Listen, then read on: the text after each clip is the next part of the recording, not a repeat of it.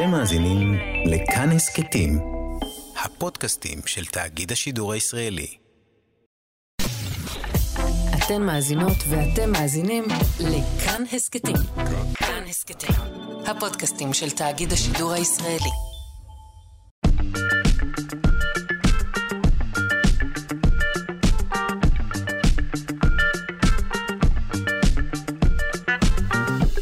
שלושה שיודעים.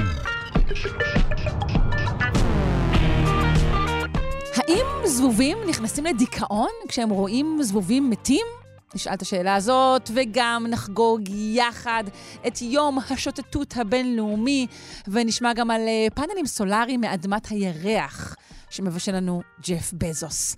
אה, אתם כמובן על השלושה שיודעים, מעבר לנושאים האלו גם נקבל המלצות על ספרים לאורך כל השבוע ממגישי הפינות הקבועים והמצוינים שלנו. עורכת אותנו אלכס לויקר, על ההפקה עמרי קפלן ואיתי אשת, על הביצוע הטכני דימה קרנצוב. אני שרון קנטור ואנחנו מתחילים.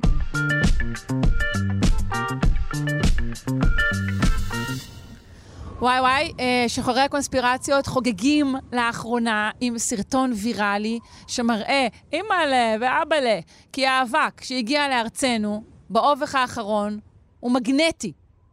ובכן, הם צודקים. האבק אכן מגנטי. אבל הם גם טועים. כי הסיבה לכך אינה ניסיון של uh, חבורת אנשי לטאה לחסל את כל האנושות. עם הפרטים כולם, בשיחה שאני מקווה שתהפוך לוויראלית לפחות, כמו הסרטון המקורי, נמצא הדוקטור אבי סייג, uh, כימאי ונוירוביולוג במכון דוידסון לחינוך מדעי. שלום. שלום שרון. היי. כן, וגם uh, בודק הקונספירציות של המכון. כן? כן, לא, זה לא סתם, אני איש הווידאו, אז ככה ארז, אה, דוקטור ארז גרטי מהמכון שלח לי את הסרט הזה, אמר לי הכצעקתה, אמרתי לו, צריך לבדוק. דבר ראשון, אתה, אתה רואה הסרט צריך לבדוק, אז כמו שאמרתי, שם איזה סרט מטורף, את יודעת, הוא מתחיל בזה שהיו הרבה ריסוסים בימים האחרונים. כן, כן, היו. כן, היה הרבה ריסוסים, אז בואו נראה. אז בקיצור... הרי מזג האוויר מעיד על כך, מעיד על הריסוסים. כן, כן, כן, אז, קמתי בקרו של יום המחרת, היה לי גם אובך על המכונית, אה, אה, גירדתי את זה, ו... וקירבתי מגנט, ווואלה, אכן כן. אכן כן, ואז אמרת, יואו, כל מה שחשבתי עד עכשיו לא נכון. לא, זה שלחתי לחבר'ה, הבחור צודק בניסוי, אבל בפרשנות לא. כן, אה, זה נדבר אולי אחר כך, אבל באמת, באמת מה הסיבה? השאלה כאן אם הוא עלה על משהו חדש, את יודעת, לא, לא כולנו תמיד בקיאים בכל הדברים ש, שמתרחשים במדע, אפילו שאנחנו אנשי מדע. נכון, אנחנו גם לא כולנו מקרבים מגנט לאבק אה, נכון, באופן יומיומי. נכון, נכון, נכון, זה אף אחד לא עושה, הוא קירב מגנט וגילה שזה מגנט, גילה שהאבק אכן מתמגנט, והשאלה אם זה באמת עלה על זה משהו חדש כאן, איזה משהו מטורף, ואז אתה טיפה שואל, אנשים שמבינים באבק, ואז הם צוחקים עליך. ואז מה הם אמרו לנו? מה? כאילו, גיליתם את, גיליתם את אמריקה. כאילו, מה, מה העניין הוא? ליתר דיוק את אפריקה, אני חושבת, בהקשר של האבק. את אפריקה או, או את אה, מדברית ערב סעודית, מהיכן מגיע האובך? בדרך כלל מגיע, תלוי מאיפה הרוח, או ממדבריות ערב הסעודית, או ממדבריות סהרה שבצפון אפריקה. אגב, מדבריות סהרה זה ספ, ספק האבק הגדול ביותר בעולם. ודאי, זה מופיע באתר שלהם ככה. כן. אנחנו, כן. ספק האבק הגדול ביותר בעולם. לגמרי, אגב, כמות האבק שעולה מהסהרה אה, היא שווה למשקל כל שנה, יותר ממשקל כל האנושות כולה. זאת אומרת, זה לא מצחיק. תחשבי, כאילו כל האנושות נישאת ברוח. כן, כמות מטורפת של אבק. עכשיו, אם, אם את אה, עוסקת בחקלאות, אולי... אה, אה, אגב, אם תחשבי... מזער אנפין, כן. יש משהו... כן, יש משהו מוזר בעצם, אם את חושבת על כל נגיד יערות הגשם באמזונס, למה משהו מוזר? הכל שם פורח בצורה מטורפת. עכשיו, אם את uh, חקלאית, uh, את יודעת שאחרי כמה שנים שאת מגדלת גידול באדמה מסוימת, האדמה מדלדלת. היא מתעייפת, צריכה... צריך להחליפה מת... בעצם, או לרענן אותה, או לדשן אותה. או לדשן אותה. כן. זאת אומרת, חקלאי שלא ידשן את האדמה, הגידולים, הכמות אה, תרד ותרד עם השנים, ומה נכון. שהאדמה לפעמים אה, תגיע... אה, עכשיו, אז איך יערות האמזונס משגשגים להם בכזה עושר? מי, מי מדשן בעצם את יערות האמזונס? אה, זאת עוד תיאוריית קונספירציות שאני אמורה לענות לך עם הטבע.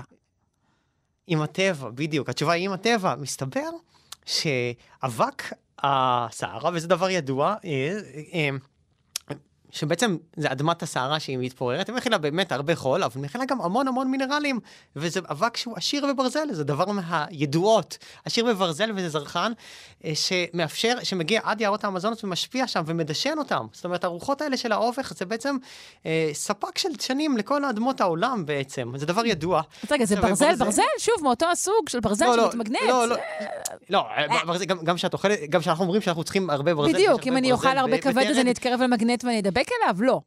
אגב, אגב, אגב, זאת אומרת, דבר ראשון, בדרך כלל לא, אנחנו לא צריכים את היסוד ברזל, זאת אומרת, זה סתם שם קוד, זה תרכובות ברזל, ותרכובות ברזל, כן, נמשכות למגנט, חלקם, זאת אומרת, אוקיי. חלקן, בייחוד אלה שנמצאות בטבע, זאת אומרת, התרכובת אפילו הכי נפוצה של ברזל נקראת מגנטית, כי היא נמשכת למגנט. אגב, וגם, לא רק, לא רק את האדמה, מסתבר שגם כן את, ה, את האצות בים, הרי בדרך בין אפריקה לאמריקה, מפריד האוקיינוס האטלנטי, כן, והאבק חלקו הגדול נופל בים, ו, ובאמת האצות, יש מחסור אדיר בברזל וגם בזרחן. אה, בעיקר ברזל בים, וזה מהידועות. זאת אומרת, כאילו לא גילית את אמריקה, זה דבר ידוע שנים, זאת אומרת, לא צריך להיבהל, זאת אומרת, גילית אוקיי. תופעה מדעית. ולעיתים יש באבק יותר אה, אה, ברזל, כן. חלקים מתמגנטים, ולעיתים פחות, תלוי בהרכב שלו, אני נכון, מניחה. ת- תלוי, תלוי, נכון, תלוי בכיוון הרוח. זאת אומרת, הרב, מערב הסעודית, אם זה יותר אה, רוחות אה, מזרחיות שמגיעות ממזרח, אז זה מכיל פחות ברזל מאשר רוח, אה, אם זה אובך דרומי שמגיע מאפריקה. את מבינה? אה, זאת אומרת, זה באמת תלוי אה, ב- במיקום האדמה. זאת אומרת, אז לא- העניין הוא שבאמת אתה מוצא איזה משהו, אה, השאלה אם שכנענו את הקונספירטורים, ואז... לא, לא, לא, זה כי. אנחנו, אתה ממכון דוידסון לא. ואני משלושה שיודעים. אנחנו בבילון ואחותו. כן. כן, אני, מצ... אני מצטער שבכלל התייחסתי לזה, כי כאילו, אתה לא יכול לשכנע אותם, זאת אומרת, ההפך, זה כאילו, אם התייחסת לזה, סימן שעלינו על משהו שצריך, אה, שצריך אה, לפתור. אגב, אה, אני אומר, כאילו, אדמות שמכילות ברזל זה כאילו, גם כן דבר מאוד מאוד ידוע, כאילו, אפילו בישראל, נגיד, אדמת חמרה, למה היא אדומדמה? כי היא מכילה כל כך הרבה תחמוצות של ברזל, שהצבע שלהם אדמדם, היא כל כך עשירה בברזל. זה דבר באמת באמת... אה, אה, אז בעצם למה, לא מוסיפים מגנט אולי לשואבי אבק פופולריים? כי, כי רוב האבק הוא, הוא לא מגנטי, כן? רוב האבק, אה, אתה יודעת, זה סתם אה, כל Mm. אז מיני... כן היה פה אבק ייחודי, אז יכול מישהו לטעון, אוקיי, סבבה, יש אבק, יש בו ברזל, אבל, אבל אתה עצמך אומר שזה לא דבר שגור, אז אולי הכמות הזאת של אבק, יחד עם זה שזה אבק מיוחד, אולי כאן, כן, הדבר הזה אומר תראי, מה- דרשני. לא, תראה, מה שהיה מוזר זה קצת שהיה, היה, השרבים נמשכו, הם נמשכים כבר עד סוף אה, יוני, שזה קצת נדיר השנה הספציפית. גם השרבים וגם חשב. ההפך, גם מזג אוויר שהוא כן, אפילו הש- נעים במיוחד, גם זה נדיר. נכון, עם, עם, נכון, נכון, נכון, עם שבירת השרב. זאת אומרת, היה כאן איזה שינוי, אבל אה, אני, אני, אני תמיד, אני מנסה להסביר, אני לא יודע, אני, אני לא יודע איך להסביר, אתה, הבעיה שאיך אתה תשכנע את המשוכנעים, אתה אומר להם, אה, תראי, הוא, אה, אני יכול לשלוח להם ששנים כבר כותבים על זה דווקא חוקרי אה, אקלים וחוקרי חוקרי איסוף המדבר שהאבק מכיל ברזל. אה, אבל זה לא משכנע אותם, אז השאלה, אני, אני תמיד מנסה אולי לשכנע קונספירטורים, מכיוון אחר, שזה... ישראל היא כזאת מדינה קטנה, אתה לא יכול בעצם אה, לא לפזר אבק. על, על מקום מסוים וכן לפזר על מקום אחר. כל הארץ מתכסה באבק, כן? אז מה הם בעצם, אחוז הפסיכופטים, בוא נגיד ככה, בעולם הוא מאוד מאוד נמוך, אז מה, הם רוצחים את המשפחות שלהם? כאילו, אולי... אה, וואי, אני יכולה לתת הזה. לך את אה, אה, כל התשובות, אבל בגדול, אתה יודע, אני חושבת שאמונה עקבית בקונספירציות, להבדיל מספק בריא, שאנחנו כמובן מעודדים אותו ובעדו, וההיסטוריה מלאה באנשים שקראו להם קונספירטורים ובעצם הם צדקו, אבל הדבר עצמו הוא, אתה יודע, הוא מצב פסיכולוגי. לא תצליח לשכנע אה, בשום אה, טיעון ובשום הוכחה, גם לא לנגד העיניים של אנשים, אז פשוט... הנח לזה, ואנחנו כרגע למדנו על משהו מעניין, על אבק, אה, שבעצם מכיל הרבה ברזל, והברזל הזה גם בעצם מעשיר את יערות הגשם, אז אנחנו מודים לך.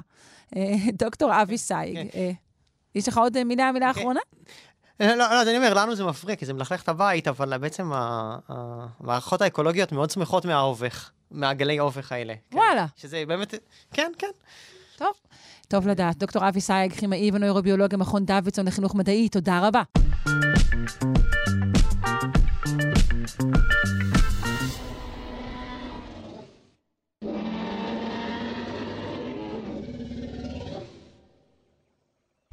אנחנו עם שרידי דינוזאור שחי לפני כ-99 מיליוני שנים.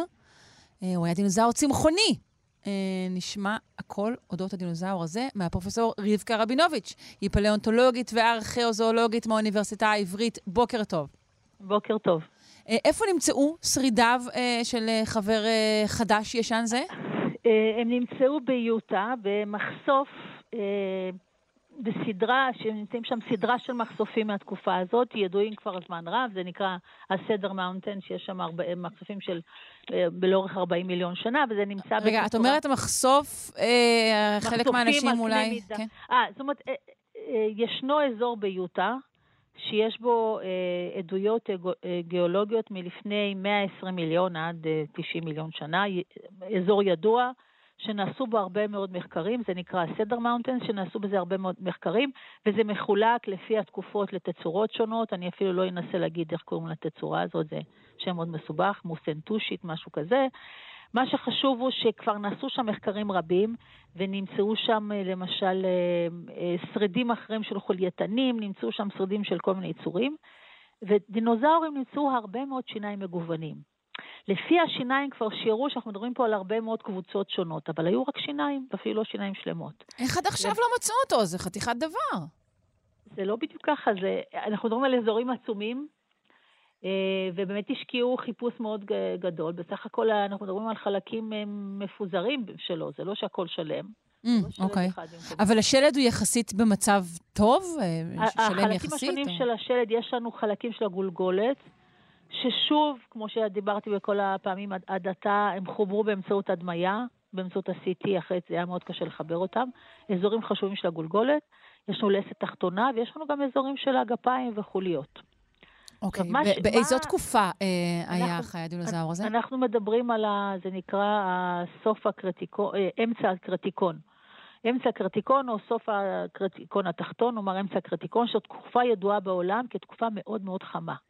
Mm, איטשיוס תרמל מקסימום, הרבה פעמים משווים לזה לתקופה שלנו.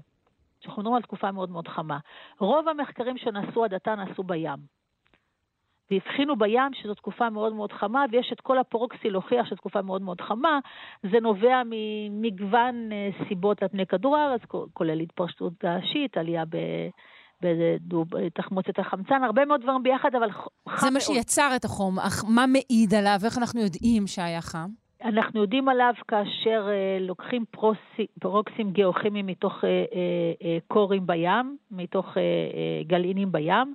אנחנו יודעים מאיך שבעלי חיים לפעמים מגיבים, בעלי חיים שונים מגיבים לחום כזה, ועל היבשה היה ידוע פחות. Mm, למרות המחשופים שאני מספרת עליהם. גם צריך לדמיין, צפון אירופה לא נראתה כמו עכשיו, צפון אמריקה, גם לא צפון אירופה. תדמיינו שהאזור של קליפורניה הוא אזור יבשתי, באמצע יש ים, ושאר האזורים מפוזרים על ידי אגמים גדולים או כניסה של נחלים עצומים. וואו, זאת אומרת, הנוף, הוא צריך לדמיין נוף שונה לחלוטין. מהמם. בנוף הזה למשל, ה- ה- המים האלה שהיו לכל אורך ה- ה- האמצע, אה, מלא בזוחלים ימיים. אנחנו יודעים הרבה על זוחלים ימיים מהתקופה הזאת. זה לסיפור אחר. אוקיי. ולכן על היבשה היה ידוע פחות. מה המיוחדות של התגלית הזאת, של ה- ה- בעצם הדינוזאור? יש נכון, ואני משהו- גם רוצה לשאול על ההתאמה של הדינוזאור לנוף האקלימי אה, והגיאוגרפי שתיארת. אז קודם כל הוא יבשתי. אז זה כבר משהו, מצאנו משהו יבשתי. מצאנו שלד, אז כשאנחנו מוצאים שלד, אנחנו יכולים לראות איך השיניים הותאמו לתזונה, ואיך שאר, שאר הגפיים הותאמו לתזונה. עד עכשיו לא היו הרבה אה, שלדים מהאזור הזה, זה מה שאמרתי, היו בהחלט שיניים שכבר רמזו שיש עוד לפחות ארבעה אה, אה, קליידים, זאת אומרת ענפים שונים לחלוטין של דינוזאורים. מה פה מעניין? התקופה הבאה של הקרטיקון המאוחר, יש בה נפיצות עצומה של מגוון עצום של דינוזאורים, בכל העולם. ולא היה ברור מאיפה הם צצו. זאת אומרת, לא ראינו את התהליכים, מי היו האבות והאימות הק- הקדמונים שלהם. ולכן בהתבוננות יותר כללית על הממצא הזה, חוץ מהעבודה המאוד מדוקדקת שעשו פה והשחזור והמאפיינים שהיו לו 12 שיניים ורכסים על השיניים, הרבה מאוד רכסים על השיניים, ועובי של האמייל, כל התכונות האלה והדברים מיוחדים בגולגולת, יש פה הבנה של אחת הקבוצות החשובות שמאוחר יותר התפתחו ממנה הרבה מאוד מינים, וכמו תמיד, זה אף פעם לא היה כמו פעם שהיינו מציירים ענף אחד, שמבעל חיים אחד מגיעים לבעל השני. כן. בשום אופן לא, אנחנו נכון. מדברים פה על מגוון עצום, עצום. צריך לדמיין, תמיד אני חושבת, דמיינו לכם את, ה, את הספארי באפריקה. הרבה מאוד אוכלי עשב. הרבה מאוד אוכלי עשב בגודל שונה, במראה שונה. ככה צריך לדמיין את עולם הדינוזאורים בגודל בינוני, נאמר, קטן עד בינוני, בתקופה, בתקופה הבאה.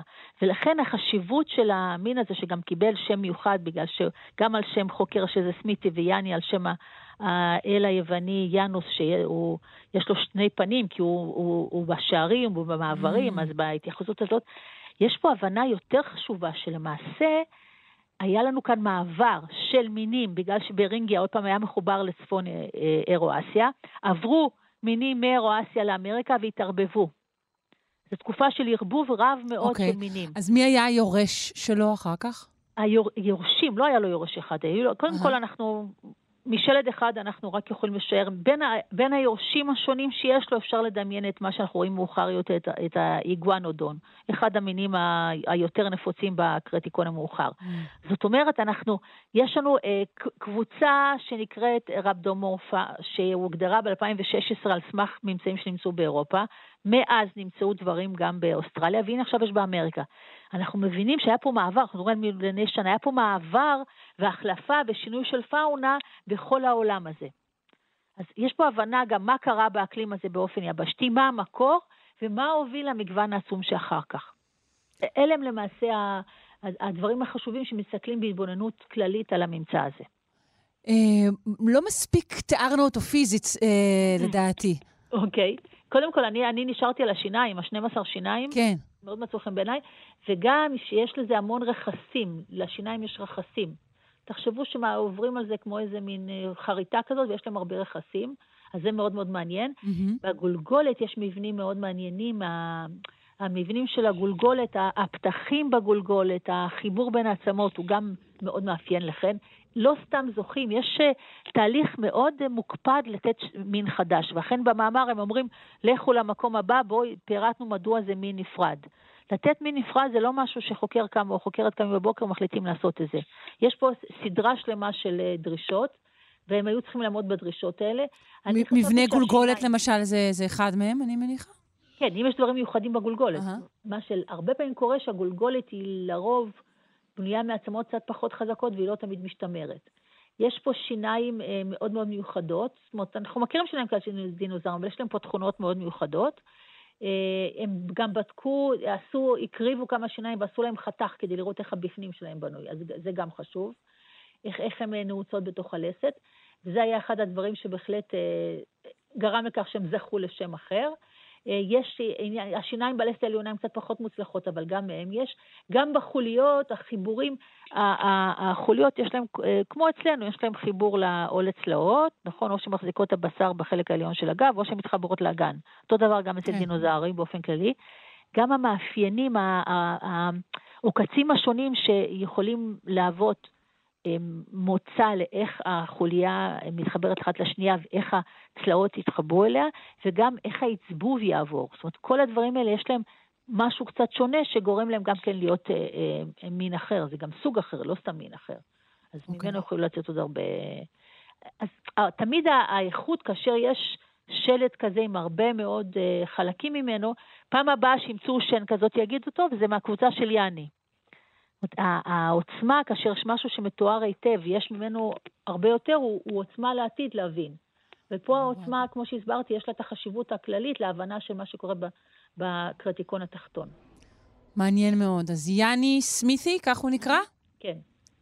יפה, אני מודה לך מאוד, פרופ' רבקה רבינוביץ', פלאונטולוגית וארכיאוזואולוגית מהאוניברסיטה העברית.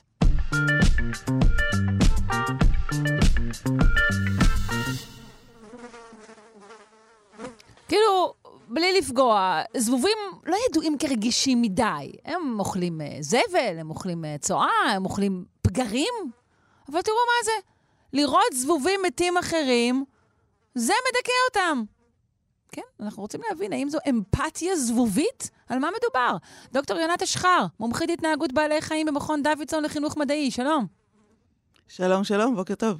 אז אנחנו מדברים על זבובים שנחשפו זבובים אחרים מתים לגופות של חברים, אפשר להגיד, והם שקעו בדיכאון ואפילו מתו בטרם עת בעצמם?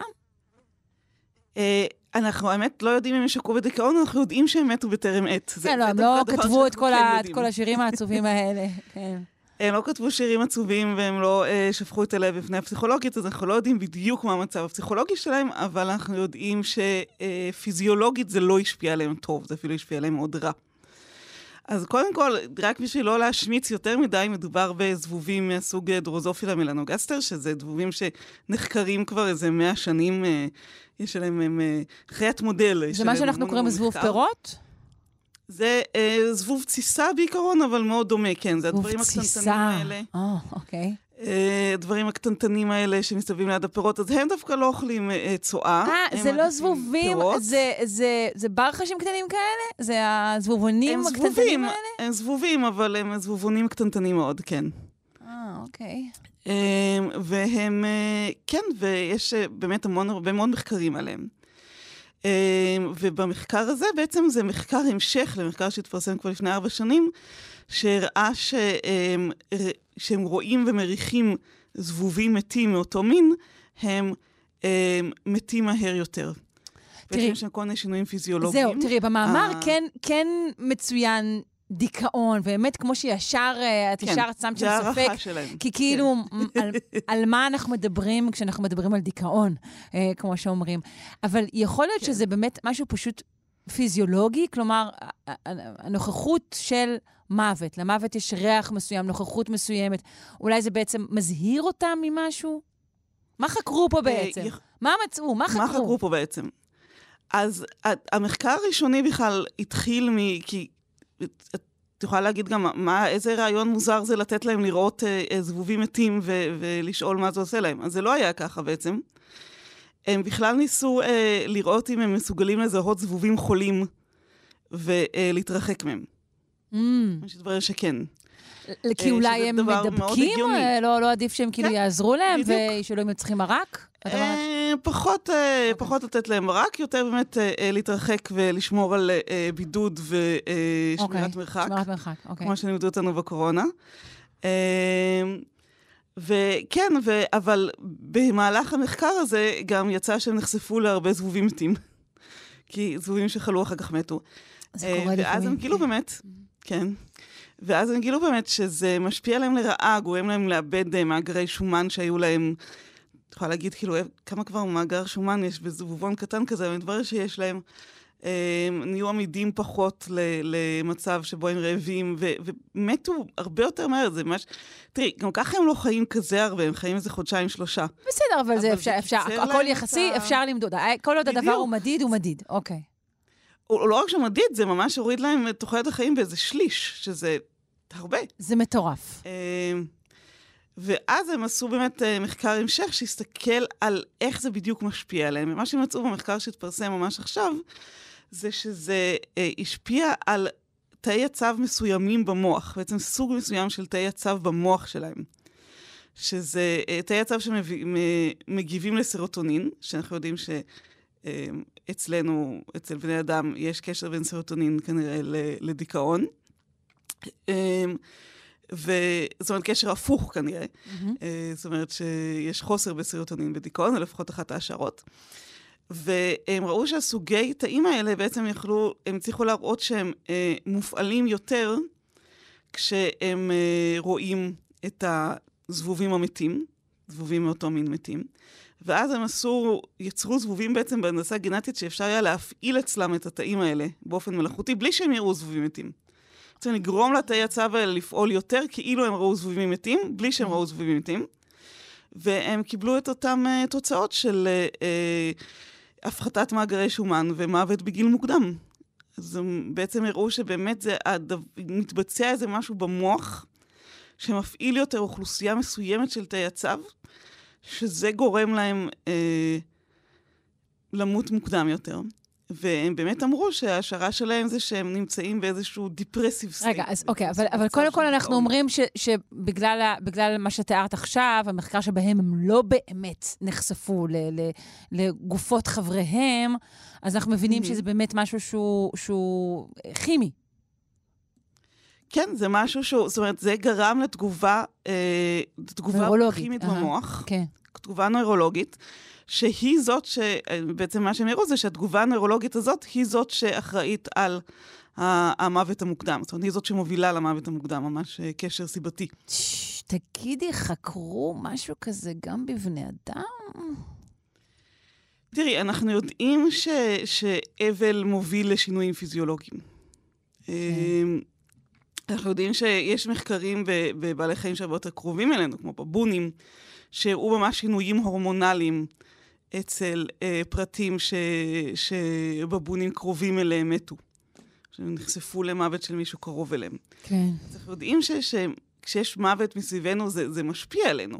את יכולה להגיד, זה משפיע מבחינה פסיכולוגית, אבל הפסיכולוגי והנוירולוגי הוא כמובן מאוד מאוד קרובים, כמו שאנחנו יודעים. נכון. יש תרופות פסיכיאטריות שבעצם משפיעות על הכימיה של המוח ומשנות את המצב הפסיכולוגי שלנו.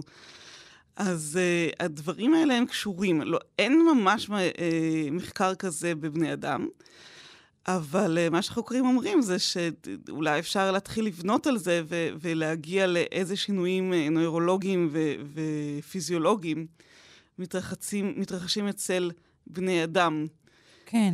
ועכשיו בואי נלך לשאלה הפוכה. הרי בודדו פה בעצם את הנוירונים האלה, קראו להם, נכון, R2 ו-R4. כן. והם אלו שבעצם הביאו לי לדיכאון ולבעצם הזדקנות מהירה ולמוות. כן. אולי אפשר ללכת הפוך ככה, ובעצם אולי אנחנו דווקא, דווקא אנחנו פה באיזה פתח לטיפול אנטי-אייג'ינג משוגע? שאם אנחנו נעכב את הפעילות כן, של נוירונים כן, מסוימים, כן. אז אנחנו יכולים... אה, זה בהחלט יכול להיות, רק שבעתיד הקרוב מאוד זה יהיה טיפול אנטי-אייג'ינג לזבובי דרוזופילה. היי, צריך להתחיל ממישהו. המוח שלנו בנוי מאוד uh, שונה, אבל צריך להתחיל מאיפשהו, זה בהחלט נכון. לגמרי, לגמרי. נפתח את הקליניקה הזאת והיא תעשה הון. Uh, בעיקר אצל uh, זבובי תסיסה מאזור צפון תל אביב. Uh, אני כן. מודה לך מאוד, דוקטור יונת אשחר, מומחית התנהגות בעלי חיים במכון דוידסון לחינוך מדעי. להתראות. תודה רבה. להתראות.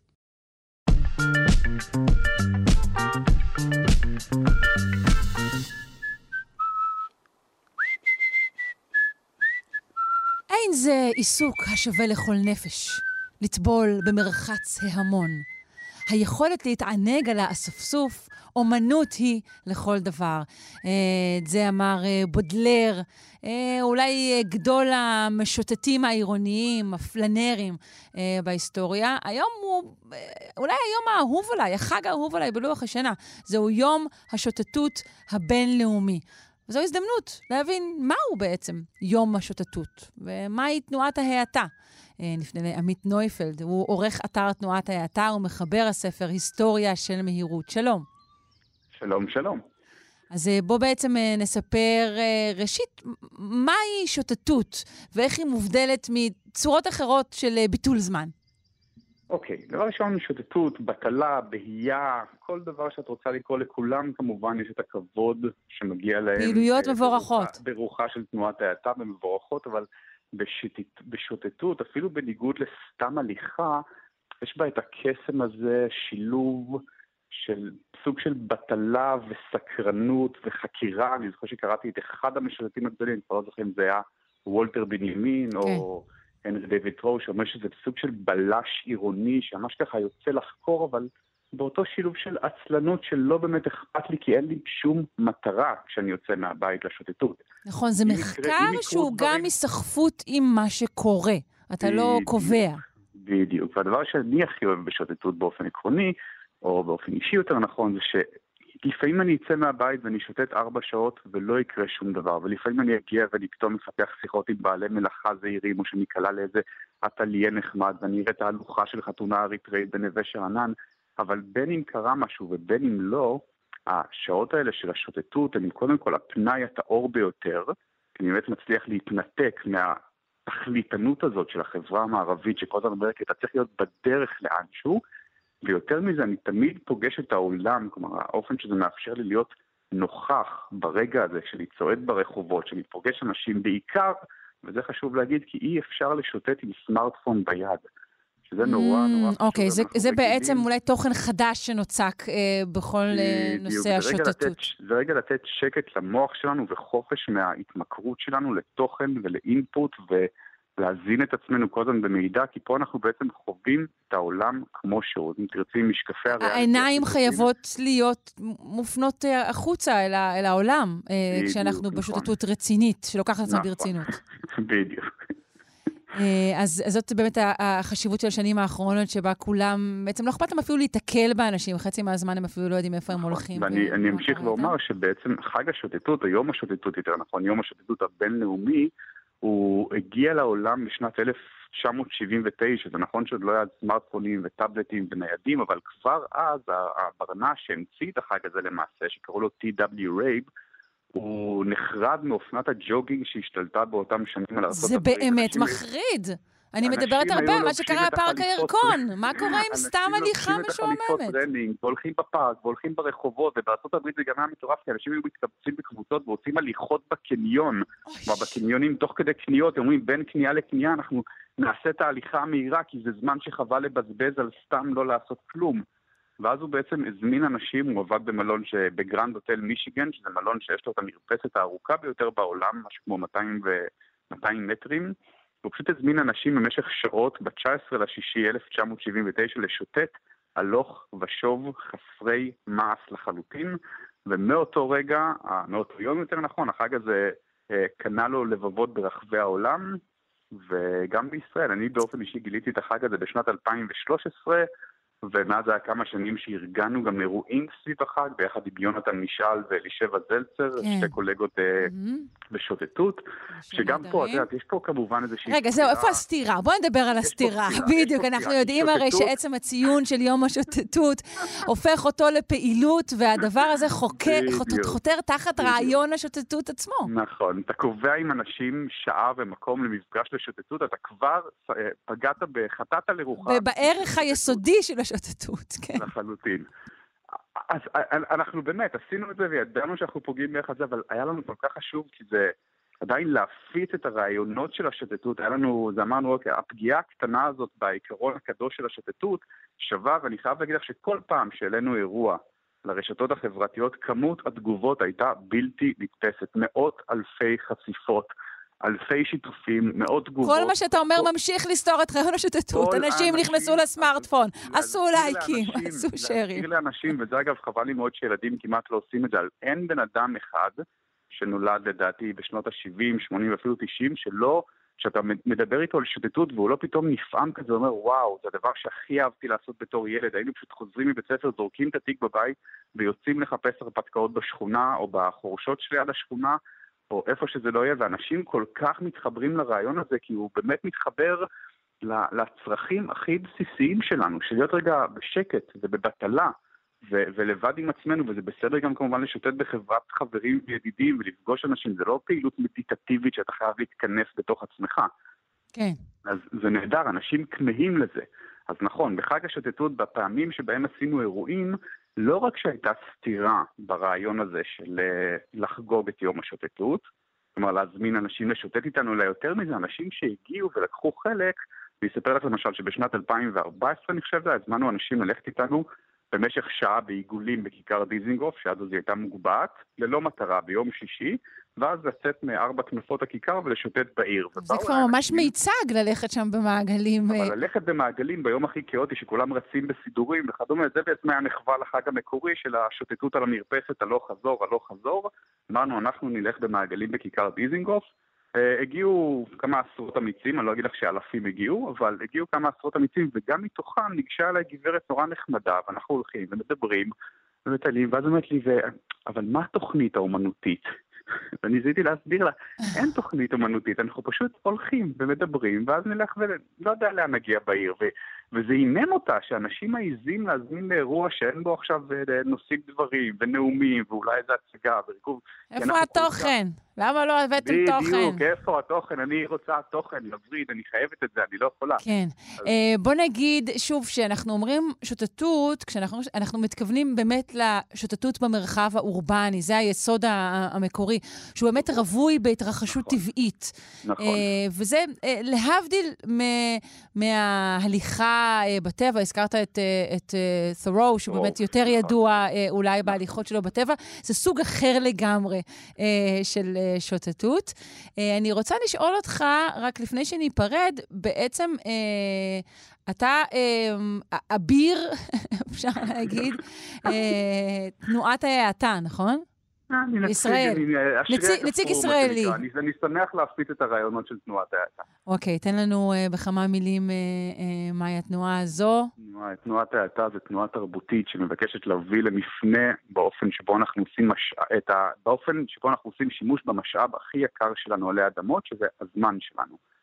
היא באמת קוראת לנו לערער ב-A ולערער בעין על הרבה מוסכמות וקונבנציות חברתיות, כמו למשל שהעבודה זה הדבר הכי חשוב בחיינו וששווה להשקיע את רוב שעות הערות שלנו בקריירה, או שצריכה ראוותנית יכולה להוביל אותנו לשיפור מתמיד ברמת החיים שלנו, ובמקום זה היא קוראת לנו ליהנות, לחזור ליהנות מהדברים הפשוטים בחיים שבאמת מעניקים לנו אושר בר קיימא, שזה בעיקר קשרים אנושיים וקשרים חברתיים, ולראות תפיסה יותר הוליסטית של המקום שלנו בעולם, עם הטבע ועם בעלי החיים וכדומה, ופשוט להיות קצת יותר שלווים ורגועים ולהיגמל מהלחץ הזה והסטרס שפועם ברקות של כולנו כל הזמן.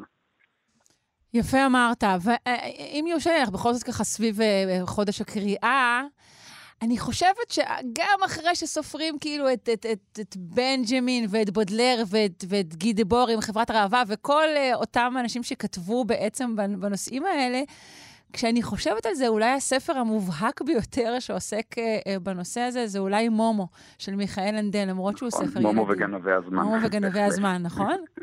כן, הוא ממש ניבא את העתיד, וזה כן. ספר יפהפה, ואני... גם כמבוגרים שווה לחזור אליו. ממליץ עליו לקרוא בכל גיל, בהחלט. נכון. ונזכיר שוב את הספר שלך, היסטוריה של מהירות, ונודה לך, עמית נויפלד. תודה רבה. עורך אתר תנועת האטה. תודה. ביי ביי. ויום שוטטות שמח. גם לך, חג שמח. חג שמח, ביי. ביי ביי.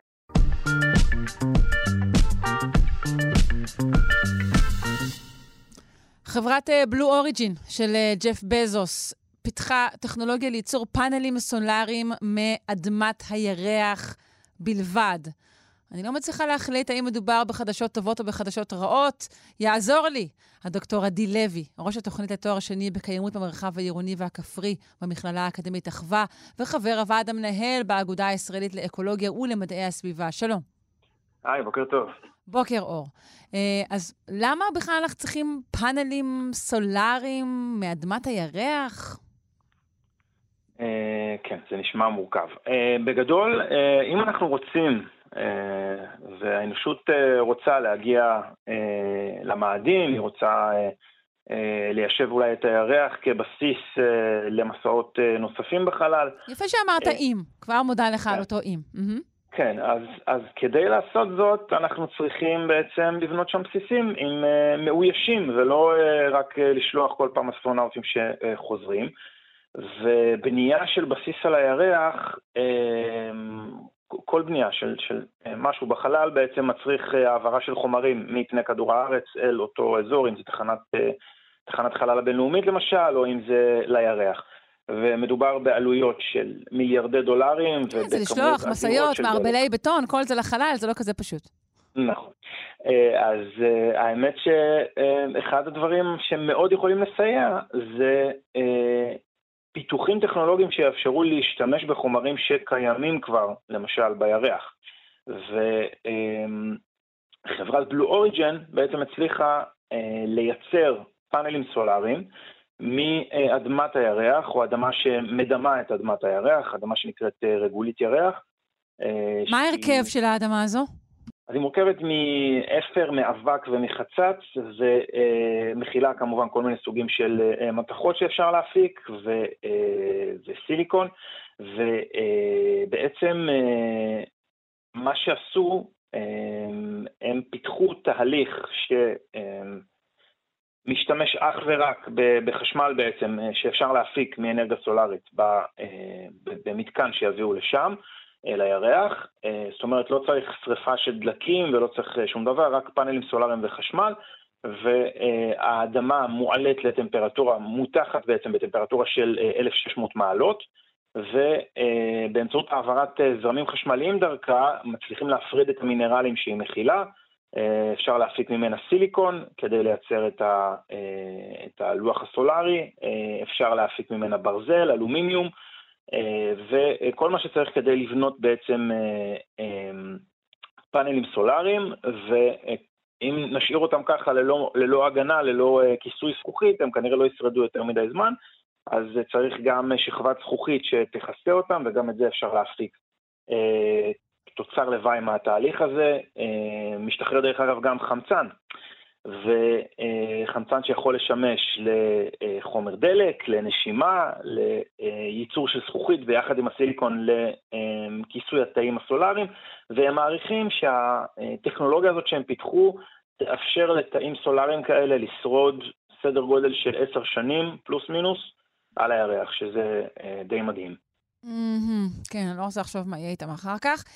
בכל אופן, אבל אם רוצים שהם יפיקו אנרגיה באופן קבוע, אז הם צריכים לפנות לשמש כל הזמן, לא שאני...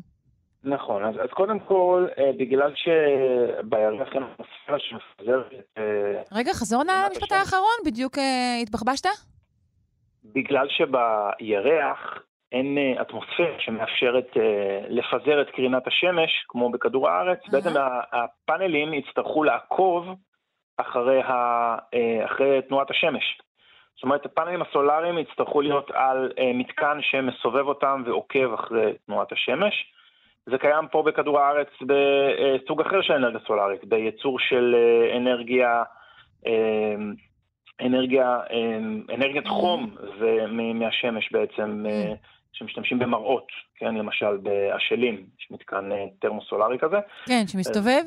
בדיוק, כן, אז זה דבר אחד. דבר שני, המחזור הירחי, כמו שאנחנו מכירים אותו, כולל תקופות מוארות ותקופות חשוכות.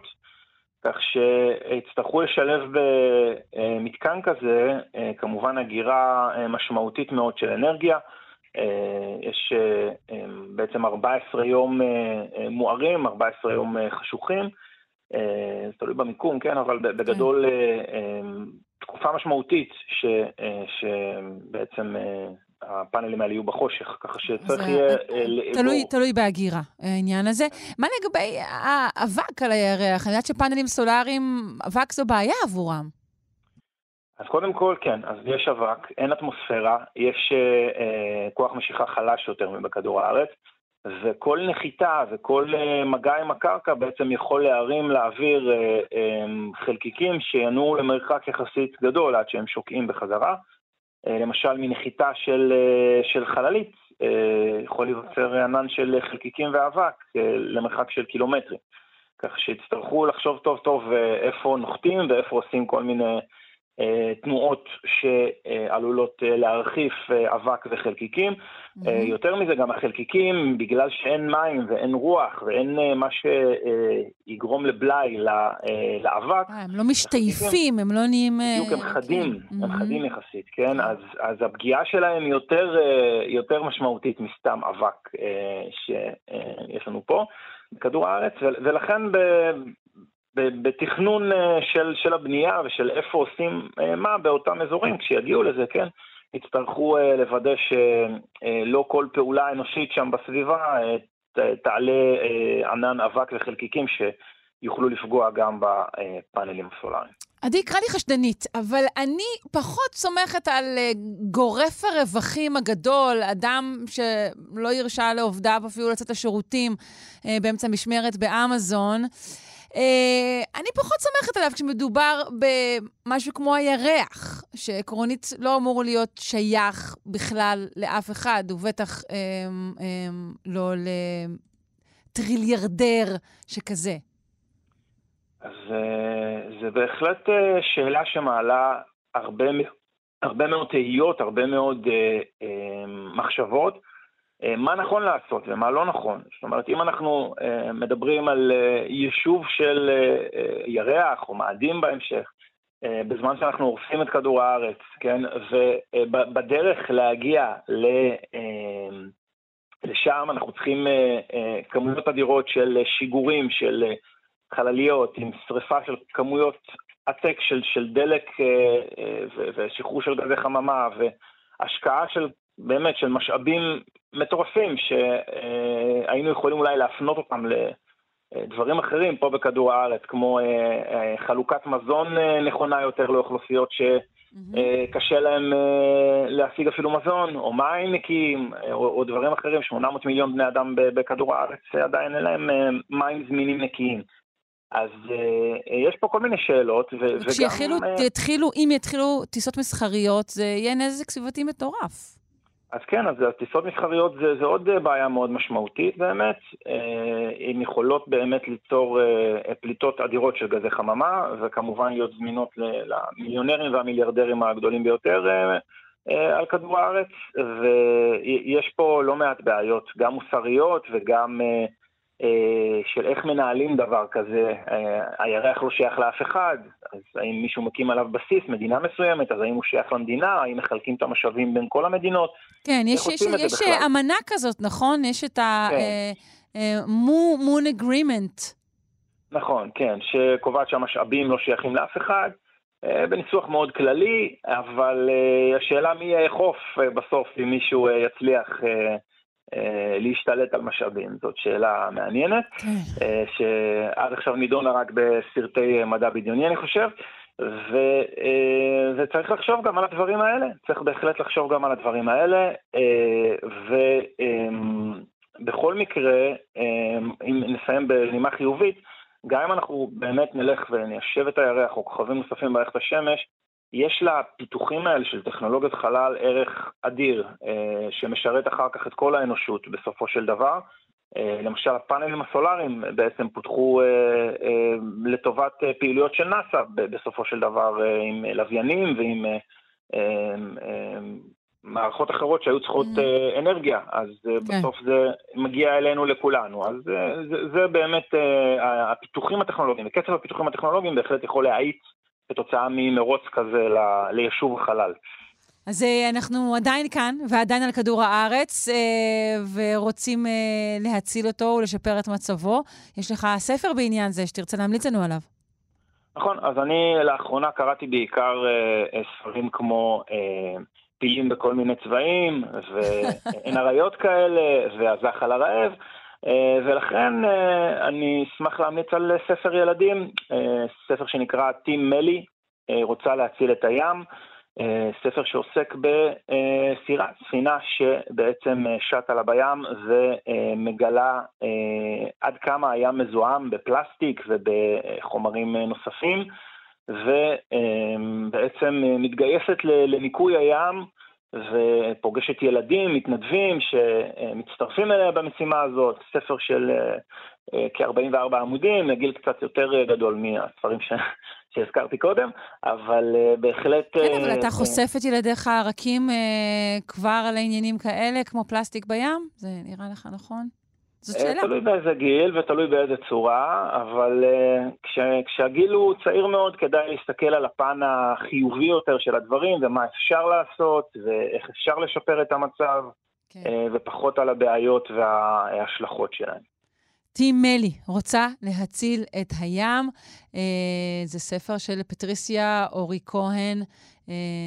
אני מודה לך מאוד על ההמלצה ועל השיחה, דוקטור עדי לוי, ראש התוכנית לתואר השני בקיימות המרחב העירוני והכפרי, המכללה האקדמית אחווה, וחבר הוועד המנהל באגודה הישראלית לאקולוגיה ולמדעי הסביבה. תודה. תודה ולהתראות. ספייסקס ציינה לאחרונה את הנחיתה ה-200 שלה, וזו הזדמנות מצוינת לדבר על טכנולוגיות חלל, שכולם אמרו עליהן, נה, זה לא יעבוד. ובסוף מה? נפנה למידד פריאנטה, יזם, מהנדס חלל, מגיש תוכנית האינטרנט ספייס קפה ישראל ומהנדס ראשי בחברת סקיי אנד ספייס גלובל. שלום. בוקר טוב, שרון, מה שלומך? בוקר אור, אה, אני בסדר. אז בוא באמת ביחד נעבור ככה על קומץ אה, מטכנולוגיות החלל אה, ש, שבזו להן בהתחלה, ואז הסתבר שהכל עובד ממש ממש פיקס. זה היה קדימון אה, מושלם. אה, לא הייתי עושה את זה יותר טוב. אז uh, בואו נתחיל... בטוחה שכן, אגב, אבל אוקיי.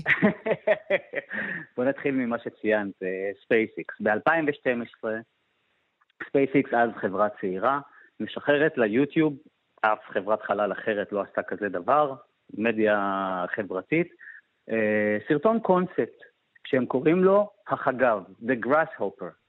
שבו הם מתארים uh, משגר, הפלקון שלהם, פלקון 9, שהשלב הראשון שלו מתנתק מהשלב השני וחוזר לנחיתה רכה באתר השיגור לטובת שימוש מחדש. זאת אומרת, הוא בעצם מבטיחים... המשגר הרב-פעמי הראשון. נכון, נכון. והם מבטיחים שברגע ששיגור במשגר רב-פעמי יהפוך לסטנדרט, מחירי השיגור ירדו בצורה דרמטית, access to space, דמוקרטיזציה של uh, החלל, והם זוכים בקיתונות של בוז ממומחים, מומחים מטעם, uh, פיזיקאים, uh, מהנדסי חלל, מכל קצוות הקשת. אני יכול uh, במאמר מוסגר uh, לשתף שאני בהתלהבות אדירה מיד העליתי סרטון, את הסרטון עם uh, פוסט אישי משלי. אתה כן האמנת דווקא בעניין הזה. מיד כשראיתי את זה. מיד. זה היה לי ברור ש, שזה הולך, uh, הבנתי שזה הולך לשנות את תעשיית החלל, זה, זה הולכת להיות ממש uh, אבולוציה אדירה של התעשייה, אפילו uh, שינוי ש, שאי אפשר יהיה לתפוס. והיום זה כמובן המיינסטרים, כן? כן, לא רק, לא רק שכמו שציינת, ספייסאקס חגגה 200 אה, נחיתות כאלה מ-2015. דרך אגב, בין 2012 ל-2015 היו כישלונות מפוארים. אבל אה, זה הגישה שאילון מאסק הכניס לתעשייה, שזה אומר אה, build, test, try, retry, test, retry, succeed. זה, ה-failure is an option, זה לגמרי השינוי הגדול שהוא הכניס mm-hmm. בתוך תפיסת uh, העולם הזה שנקרא uh, תעשיית חלל, שגדל על הסלוגן של נאסא, failure is not, not an, option. option. כן, אוקיי. Uh, טוב, על, um, על הקשר הכלכלי של סוג החשיבה הזה אולי נרחיב uh, uh, בפעם אחרת, כי אנחנו רוצים לדבר על עוד uh, טכנולוגיית חלל כזו, שבהתחלה אמרו עליה, צחקתם אותנו. בואו נדבר על uh, תקשורת לייזר. תקשורת לייזר, למי שמכיר, uh, למי שממאזינינו זוכר מה זה compact disc, CD, בסופו של דבר יש אפשרות לאפנן מידע uh, על uh, אור, על uh, לייזר או איזשהו גל נושא של, uh, של אור. Uh, היתרונות הגדולים של תקשורת לייזר היא שהיא מאוד מאוד ממוקדת, לטווחים מאוד uh, ארוכים. אפשר להעביר מידע בקצב מאוד גבוה, gigabit per second ואפילו יותר מזה, אבל היא דורשת לייזר. וכשהציגו לראשונה את הקונספט של תקשורת לייזר, מה שנקרא optical communication, בין לוויינים, ולמה uh, בין לוויינים ולא רק uh, מהלוויין לקרקע ומהקרקע אה, ללוויין, כי בתווך בין החלל לכדור הארץ יש אטמוספירה, יש עננות, אה, העננות והאדי מים באטמוספירה בולעים את רוב האנרגיה, וזה דורש אנרגיה ברמה מאוד גבוהה. כבר הוכיחו בעבר בפרויקטים גדולים שהקונספט עובד, ונאס"א אפילו בנתה אה, תקשורת לייזר מהירח לכדור הארץ, אבל אף אחד לא האמין, כשאני אומר אף אחד אני מתכוון למומחים ומומחים מטעם, שאפשר יהיה אה, למזער את הלייזר בצורה אה, כל כך אפקטיבית, שאפשר יהיה להכניס את זה ללוויינים קטנים ולהפוך את זה לבסיס לתקשורת בין לוויינים. המתנגדים לקונספט הסבירו שלא יכול להיות שאפשר יהיה במערכת קטנה ששוקלת פחות מקילו להכניס את כל המרכיבים הנדרשים כדי לייצר לייזר בעוצמה מספיקה, צריך uh, כמה מאות uh, וולטים של מתח, וצריך uh, מערכת מאוד מדויקת uh, שתדע uh, לייצר את המהוד של הלייזר. והסבירו שזה פשוט בלתי אפשרי ושזה יהיה יקר ואין אה, שום טעם להשקיע מאמץ ואנרגיה. היו כמה משוגעים, במיוחד באירופה, שאמרו, אנחנו בדקנו בעצמנו את החישובים וראינו שזה כן עובד, וממש לאחרונה, על אותו שיגור שחגגנו את ה-200 נחיתות הרכות, שוגרו כמה וכמה לוויינים של חברות אירופאיות עם תקשורת לייזר שעובדת ועובדת מצוין, ויש לה יתרונות אדירים גם מבחינת העובדה שהיא מוצפנת, אבל גם בעיקר שלא צריך לעשות תיאום תדרים ואין הפרעות הדדיות. כשלוויינים מתקשרים אחד עם השני mm. בתקשורת לייזר, זה, זה ישיר, אין הפרעות הדדיות, זה מאוד מאוד ממוקד, וזה מאפשר uh, לבנות את uh, כל מערכות התקשורת העתידיות, שבסופו של דבר מחייבות קישוריות בין uh, לוויינים. וכשאנחנו מדברים על תקשורת לייזר קטנה, אנחנו מדברים על כמה מאות גרמים, ובנפח של פחות מקובייה של עשרה על עשרה על עשרה סנטימטרים, שזה שיו, באמת מטורף. אה, מזעור מטורף. כן. אה, יש לנו זמן לעוד טכנולוגיה אחת, אה, בקצרה. שוב, כזו אה, שבזו לה בראשיתה והיום אומרים וואלה. אה, בואי נדבר על אה, מבנים נפרסים. מבנים mm. מתנפחים בחלל. יש עניין כמובן בעיקר במערכות תקשורת, ששטח הפנים יהיה כמה שיותר גדול, גם בנושא של פאנלים סולאריים, אבל גם באנטנות. והבעיה עם אנטנות צלחת, מה שנקרא דיש, כשהן מאוד מאוד גדולות, זה שהן תופסות המון נפח, ולכן קשה לשגר הרבה לוויינים עם אנטנות גדולות. אבל יש משהו שאני חושב שרובנו שמענו עליו בהקשר כזה או אחר, זה נקרא memory shape alloy, מתכת בעלת זיכרון, שזה איזשהו אה, מבנה של אה, אה, מתכת או חומר שיש בו מתכות, ש... זוכר את הצורה שבה הוא היה לפני שקיפלו אותו, קבצ'צ'ו אותו, הקטינו אותו ודחסו אותו לתוך אה, קופסה קטנה. יש גם מזרונים שיש להם יכולת זיכרון כזאת, זה הכל ספינופים של תעשיית החלל. Uh-huh. מה שמאפשר היום לשגר אנטנה מקופלת, קטנה, דחוסה, שמוחזקת בתוך קופסה, ושברגע שפותחים את הקופסה בחלל, האנטנה חוזרת לצורה המקורית שבה היא הייתה לפני שקיפלו אותה. גם כאן, כל המומחים, כולל אה, אה, אנשים שנחשבו אה, אושיות בתחום החומרים, אמרו שאין שום סיכוי שזה יקרה, ועם הקרינה בחלל, ועם ההפרשי טמפרטורות, וזה אולי טוב כקונספט, אבל זה לא יכול להיות אף פעם מסחרי. וגם זה, היום, זה ה baseline, והיום כשמדברים על אה, אנטנות נפרסות, מדברים על memory shape alloy, יש אפילו חברה ישראלית שעושה את זה, okay. כן. נקראת אה, NSLComm, וזה אה, הפך פשוט להיות baseline, אה, ואני חושב שהמסר שלי לך, שרון, ולכל המאזינים, זה שעם כל הכבוד למומחים, ולמומחים מטעם, לא משנה מה התואר שלהם, לא משנה מה הם עשו בעבר, תמיד תבדקו בעצמכם, כי אם המשוואות עובדות, אז זה רק עניין של זמן, סבלנות, כסף כמובן, ונכונות להיכשל בדרך. כי אין שום סיבה לא להצליח אם אין שום חסם אמיתי, וההיסטוריה מלאה בפריצות דרך שנעשו על ידי אנשים שלא הקשיבו למומחים שאמרו להם שזה לא יעבוד. מיד רצה לבדוק את המשוואות שלי. תודה רבה לך. מידד פריאנטה, יזם, מהנדס חלל, מגיש תוכנית האינטרנט Space Café Israel, מהנדס ראשי בחברת Sky and Space Global, וחוד החנית שלנו. תודה רבה. תודה, שרון, ושיהיה שבוע טוב.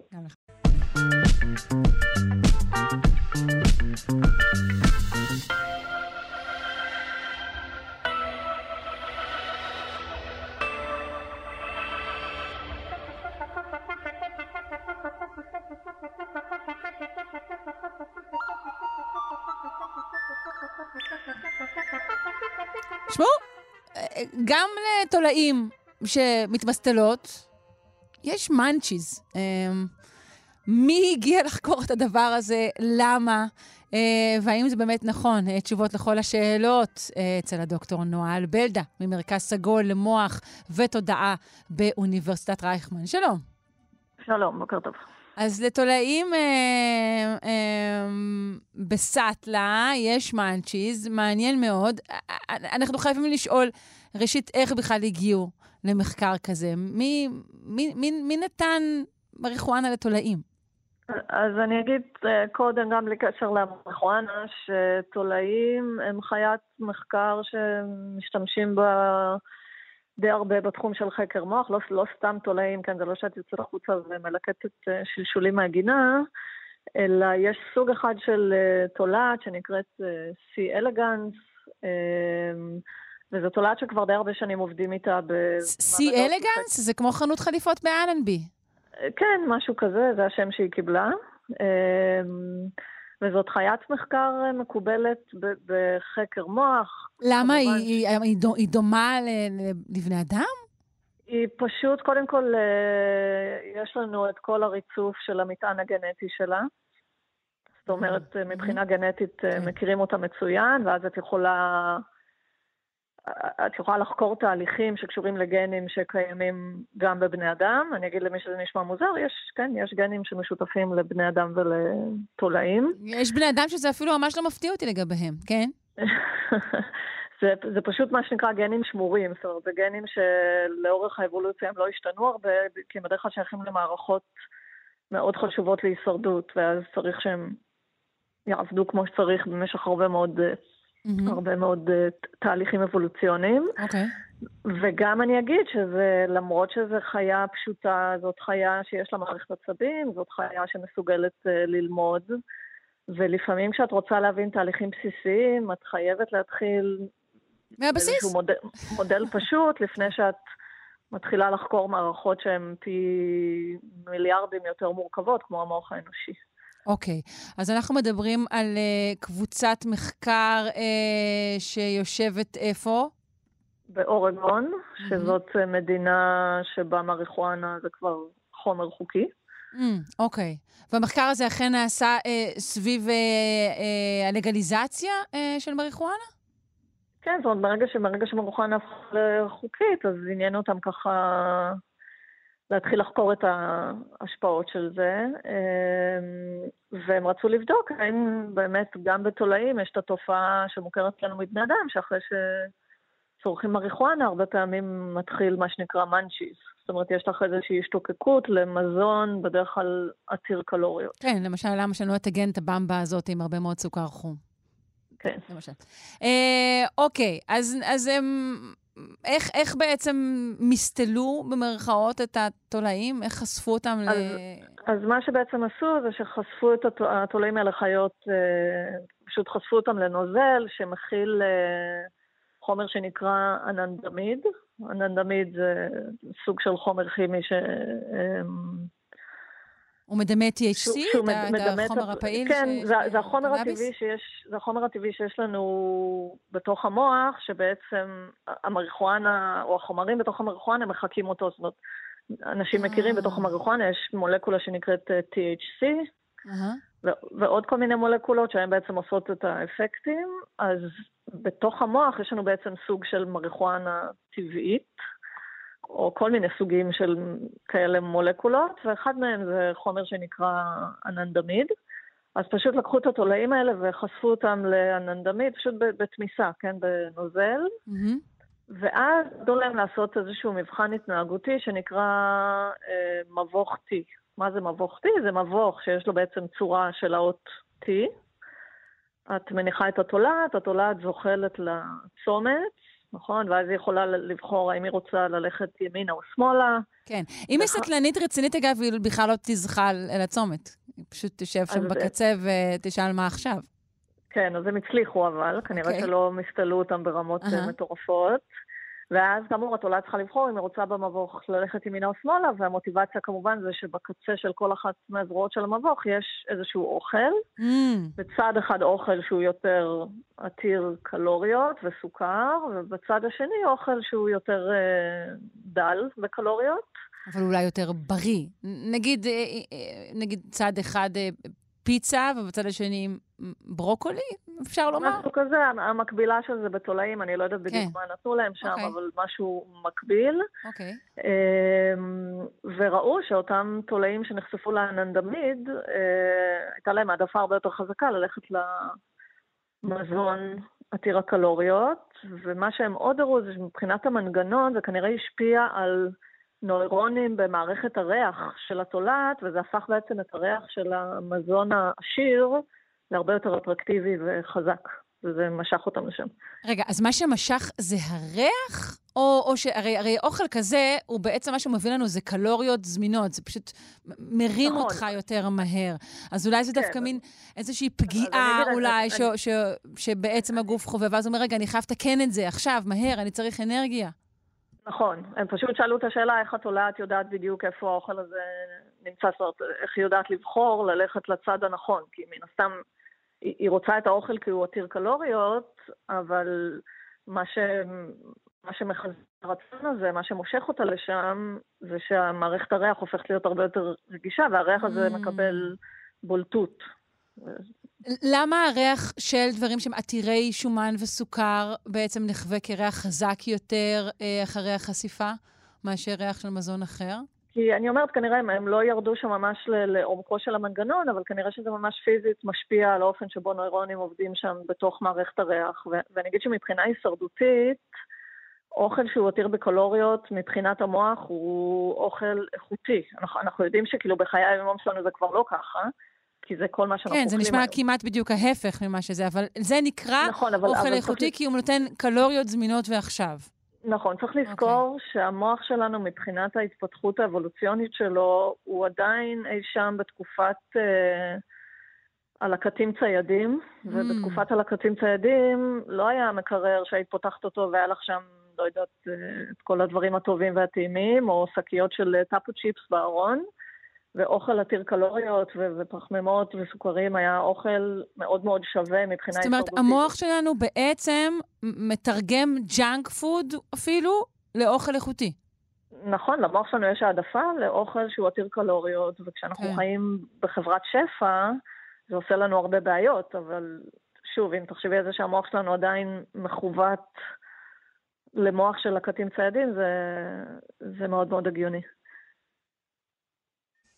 האם אנחנו יכולים, אה, הדבר הזה מעיד, אה, מעיד גם על האופן שבו זה עובד אצל אנשים? כן, כי הם, הם באמת אומרים שם שככה כל הגנים שמתפעלים את המערכת הזאת של הננדמיד, או לא משנה, כל, כל החומרים האלה שבעצם הם אה, חומרים דמויי מגחואנה בתוך המוח שלנו, הגן של התולעת והגן שלנו שמנהלים את כל המערכת הזאת הם כמעט זהים. אז יש בסיס טוב להניח שגם אצלנו זה עובד בצורה דומה, והמחקר הזה, הם עשו אותו לא, לא סתם בשביל הקטע, אלא הם עשו אותו בשביל לבחון האם התולעת הזאת יכולה עכשיו להיות איזשהו סוג של מודל שאפשר להבין ממנו את ההשפעות של זה על המוח האנושי. טוב, ועדיין, למרות הסוטול, עדיין הגיע לצד הנכון, אפילו מהר יותר, וגם נשארה שם יותר זמן. אז אה, כן. בסך הכל לא רע.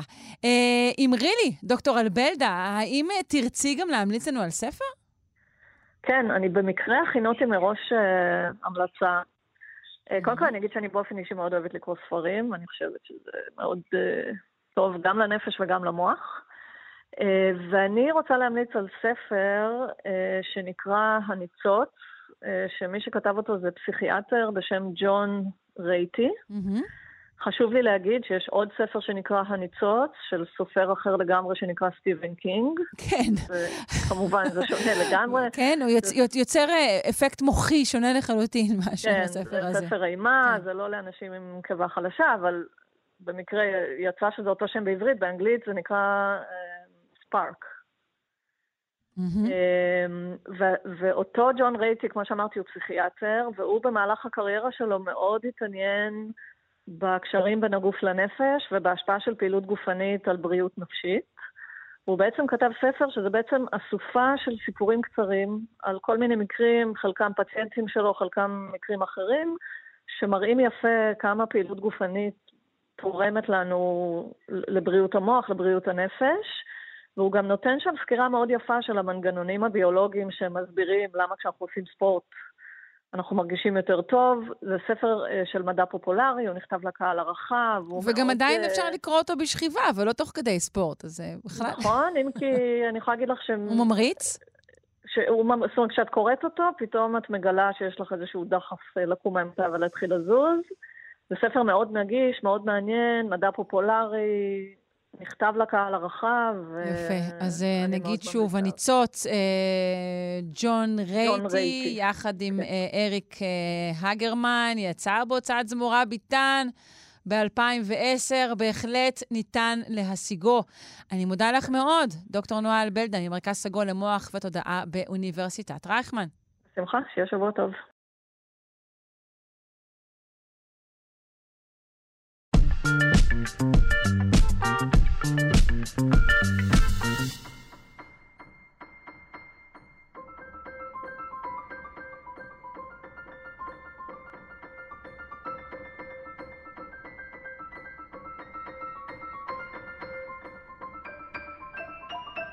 היסטוריה ופילוסופיה של המדע, פינתו של נתי קופפר מהאוניברסיטה העברית. ואנחנו מגיעים סטגדגדגדגדגדם לסוקרטס, שהוא כידוע אבי הפילוסופיה המערבית. אלא אם כן אתה כבר רוצה להגיד מה פתאום.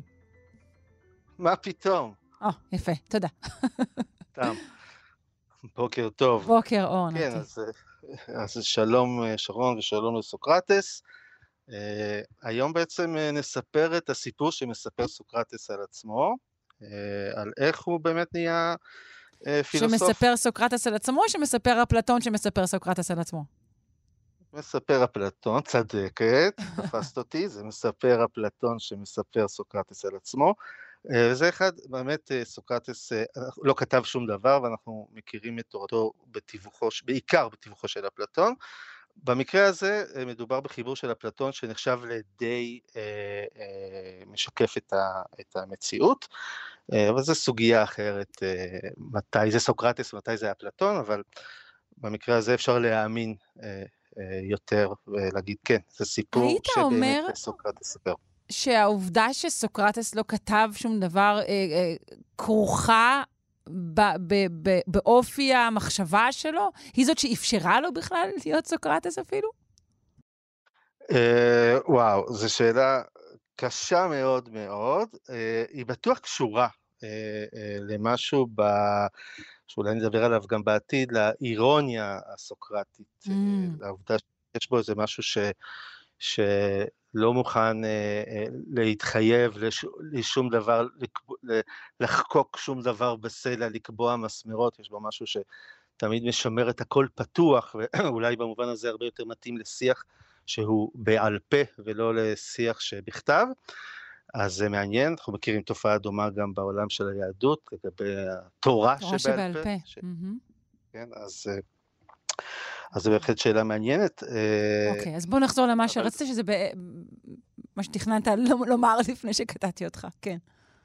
כן, אז, אז רציתי לספר את הסיפור. הסיפור הוא בעצם, צריך, הרקע של הסיפור הוא המשפט של סוקרטס.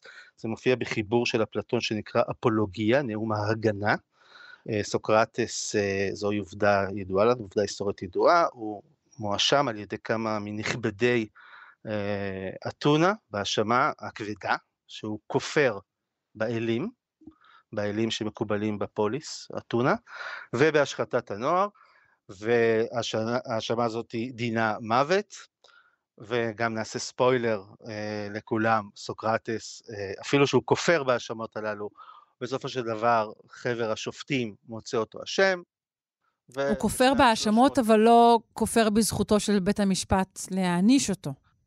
נכון. אה, זה דיון בפני עצמו, שגם על, עליו עצמו יש דיאלוג אה, שלם של אפלטון, mm-hmm. כמה אפילו, אבל מוצאים אותו אשם, הוא נידון למוות, ומגישים לו את כוס התרעלה, והוא מת. אז בנאום ההגנה שלו, הוא בעצם מנסה להסביר למה ההאשמות שהוטחו בו, כפירה באלים, השחתת הנוער, הן שמועות מרושעות. ששורשן באיזה שנאה כלפיו מצד כל מיני בעלי כוח שונים, שחקר האמת שלו, לצורך העניין, הפילוסופיה שלו, אהבת החוכמה שלו, לא בא להם טוב, בוא נגיד ככה, ולצורך כך הוא מספר לשופטים מה בעצם טיב חקר האמת שלו, מאיפה הוא צמח, אה, אה, למה החקירה הזאת היא מחויבת, ולכן גם למה היא מעוררת אה, שנאה. והסיפור באמת, הסיפור מתחיל מחבר ילדות שלו, חריפון, שהולך אל האורקל בדלפי, זה המקדש לאל אפולון, אפולו, כמו שהוא ידוע לנו בשפה אחרת, והוא שואל שם, החבר שואל את, ה, את הפיתיה, את הכהנת הדת, הנביאה, היא שואלת אותו, האם קיים אדם חכם יותר מאשר סוקרטס?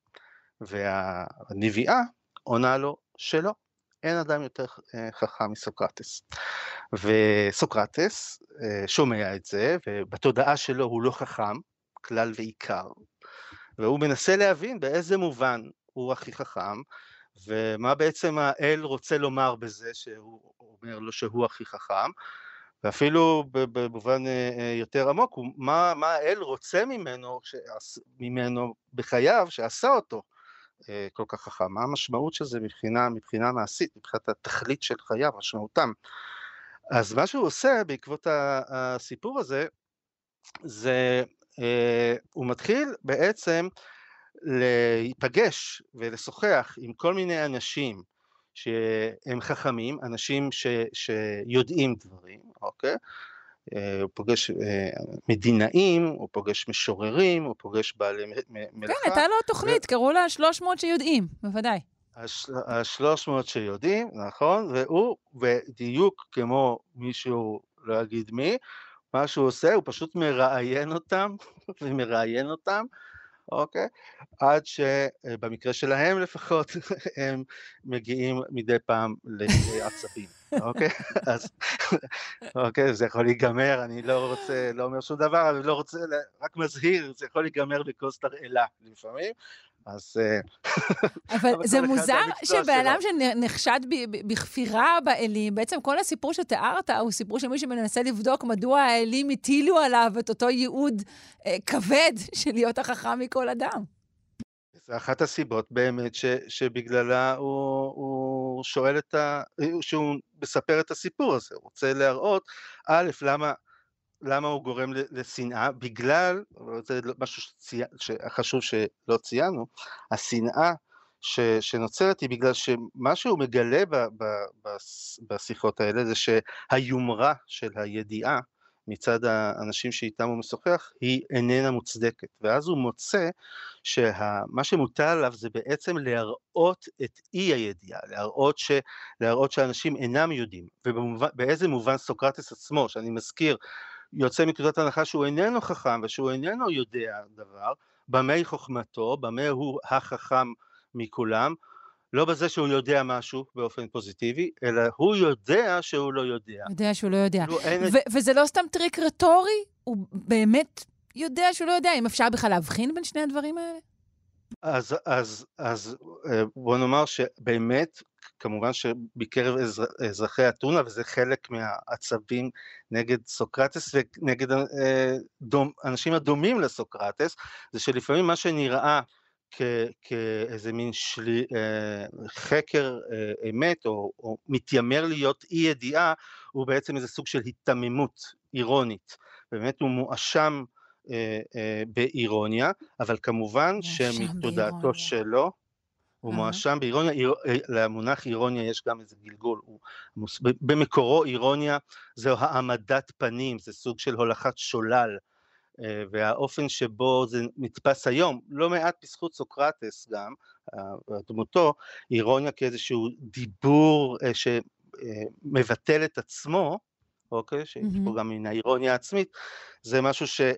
שהוא מובן קצת יותר מאוחר, ובאמת זה גם השאלה לגבי, בדיוק השאלה ששאלת לגבי סוקרטס. כלומר, יש אנשים שרואים בזה היתממות וצביעות והעמדת פנים, ושהוא עושה, הוא בעצם מנסה אה, אה, לתעתע בשומעיו. לא יודעת, זאת מתודה. כך או כך, אגב, זאת מתודה. זה לא, כאילו, זאת, זאת כן, דרך לא, יש, להוציא דברים. אבל יש פה גם עניין של המחויבות, זאת אומרת, האם עניינך הוא בעצם רק לשחק עם האנשים ולדבר ופשוט לנצח בוויכוח, או האם מטרתך באמת, באמת לשלול, במובן העמוק, שבאמת להגיע למצב של אי ידיעה, גם של בן השיח וגם שלך עצמך, ובאופן אירוני, יש לומר, שהפרשנות השנייה היא, היא מאוד מתקבלת על הדעת, כי צריך לזכור, סוקרטס הוא נשפט למוות כי הוא מסרב לחזור בו, הוא מסרב להגיד משהו שינעם לאוזני שופטיו, ניתנת לו האפשרות הזאת, ניתנת לו אפשרות לחזור בו, אבל הוא מסרב, כלומר הוא כל כך נאמן לשיח שלו, גם במחיר חייו, אז זאת אומרת, אה, הוא לא רק מנסה לנצח, הוא באמת יש פה איזשהו סוג של מחויבות מאוד עמוקה אה, אה, לאמת, וזה כן, מצב... כן, וגם בהפסד הזה שלו הוא בעצם שוב מנצח, כי הוא לא זז מעמדתו, אני חושבת. אה, כן, גם הוא חושב כך, אני חושב. אה, טוב, נמשיך כמובן עם סוקרטס לפחות עוד פינה אחת, שכן רק גירדנו את אה, קצה קצהו של זקנו.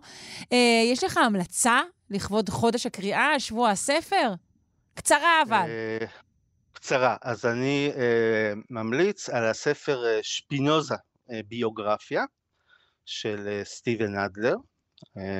זה תורגם לעברית. על ידי דבי איילון. כן, יצא בהוצאת רסלינג.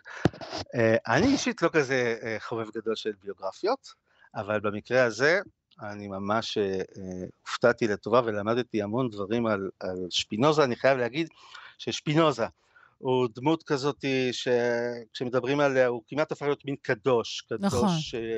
מיסטי, קדוש של חילוניות, יש איזה משהו מאוד מאוד כבד. גם ראיתי גם איזה סרט פה, ב... ב כן, כן, היה עכשיו, בסדרת העברים, אני חושבת, כן. יש שם איזה שקט כזה, ומתח, מיסטי וכולי וכולי. בביוגרפיה הזאת הכל נהיה הרבה יותר שמח ועליז, ואנחנו uh, מכירים uh, גם דמותו של שפינוזה עצמה, קצת להוריד מהכבדות ש, שהיא בדרך כלל מתוארת uh, uh, לנו בו. אז uh, מה שחשוב מבחינתי בעיקר בביוגרפיה הזאת זה שהיא נוטעת את שפינוזה בתוך המאה ה-17, בתוך הסביבה שלו, mm. והמאה ה-17 היא, היא, היא, המאה הזאת היא המאה של המהפכה המדעית, המאה אה, אה, של, של אה, מהפכה בחשיבה הפוליטית, ולראות את שפינוזה לא רק בתור איזה מין נזיר מתבודד שחושב מחשבות על אלוהים והטבע, אלא מישהו ששייך ב, ב, לאיזה תסיסה מאוד מאוד חשובה מבחינה היסטורית, וממש מרגישים את התסיסה הזאת דרך הביוגרפיה, ולכן אני, אני ממליץ על זה לא רק כמקור מידע ומחשבה על שפינוזה, אלא, אלא כמקור מידע ומחשבה בכלל על, על, על המאה ה-17 ועל האופן שבו היא שינתה את, ה, את העולם האנושי. יפה, שפינוזה, ביוגרפיה מאת uh, סטיבן אדלר. Uh, נגיד שאנחנו ננסה לאגד את כל המלצות uh, בעלי הפינות שלנו, uh, אולי בעמוד הפייסבוק של כאן שלושה שיודעים. לא מבטיחים. נתי קורפפר, מהאוניברסיטה העברית, אני מודה לך מאוד. יאללה, ביי.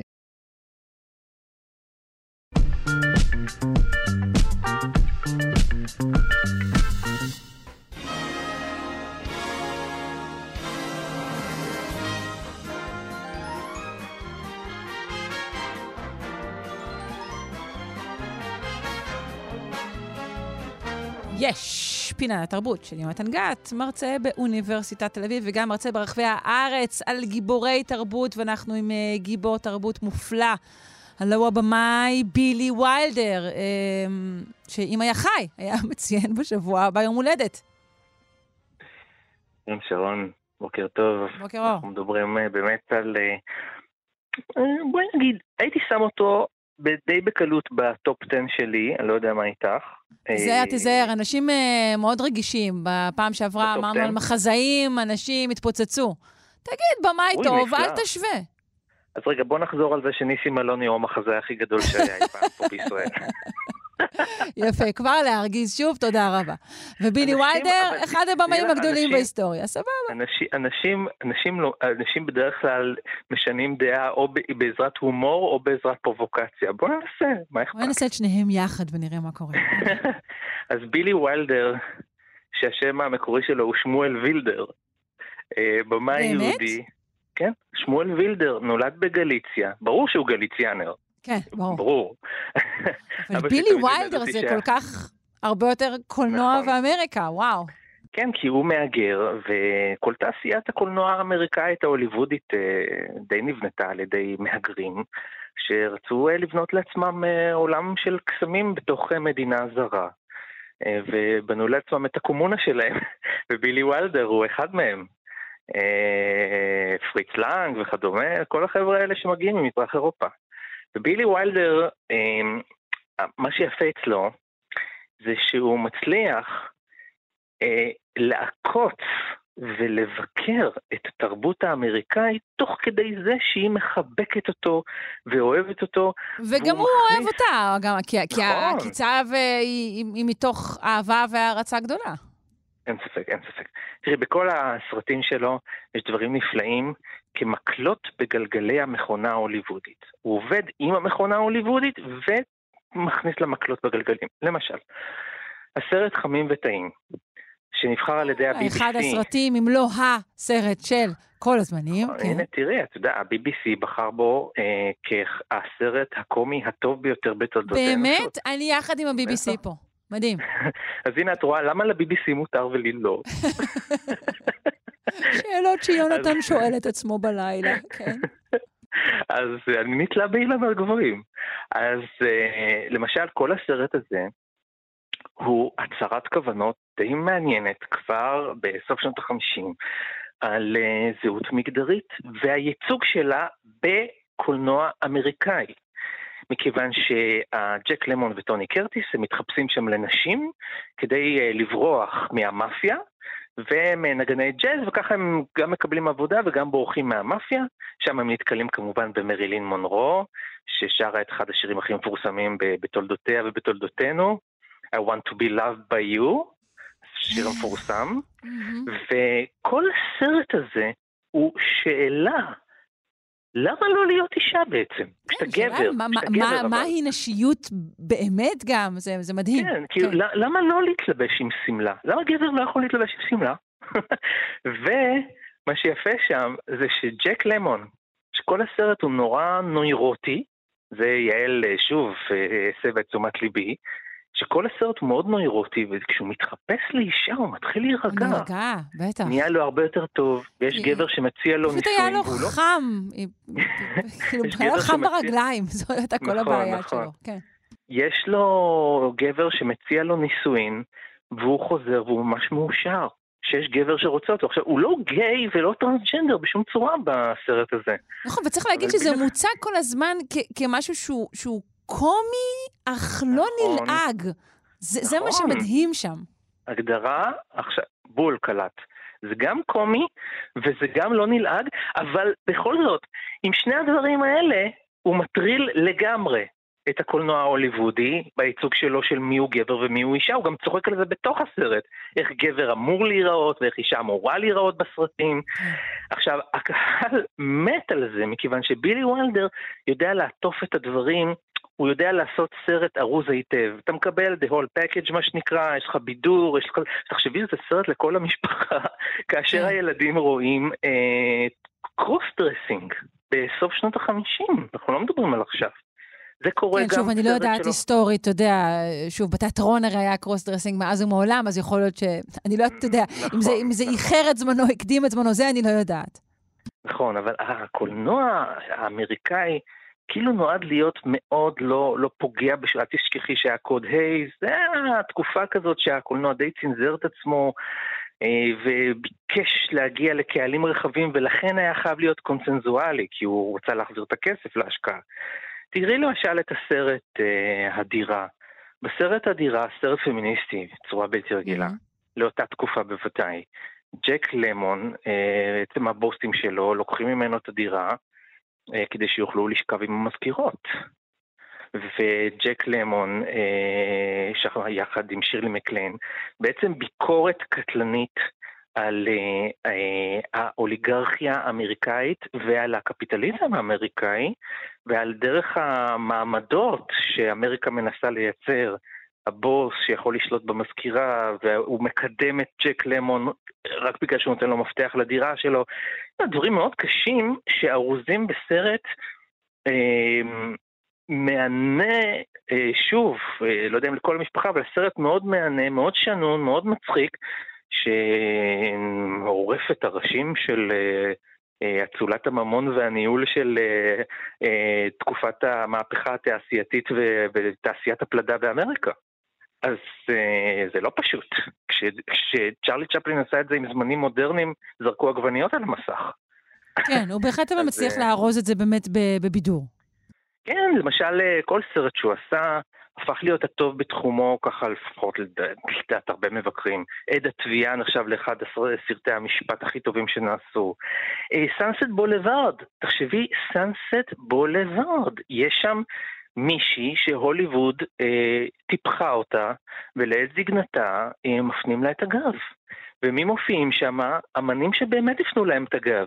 אה, השחקנית, אה, אה, שמשחקת את אה, גלוריה סוונסון, אה, היא באמת הייתה אה, שחקנית בתקופת הסרט האילם מאוד מאוד מצליחה, וכשהכל הגיע לקולנוע, זאת אומרת הסאונד, היא נשכחה ונזרקה מאחור, ובילי וולדר החזיר אותה לככב בסרט הזה. ויחד mm-hmm. מופיעים איתה שם גם בסטר קיטון שנשכח מה, מהקולנוע האמריקאי וכדומה. הוא נוגע בקור של הנק... הנקודה הרגישה... קור במובן אה, ליבה.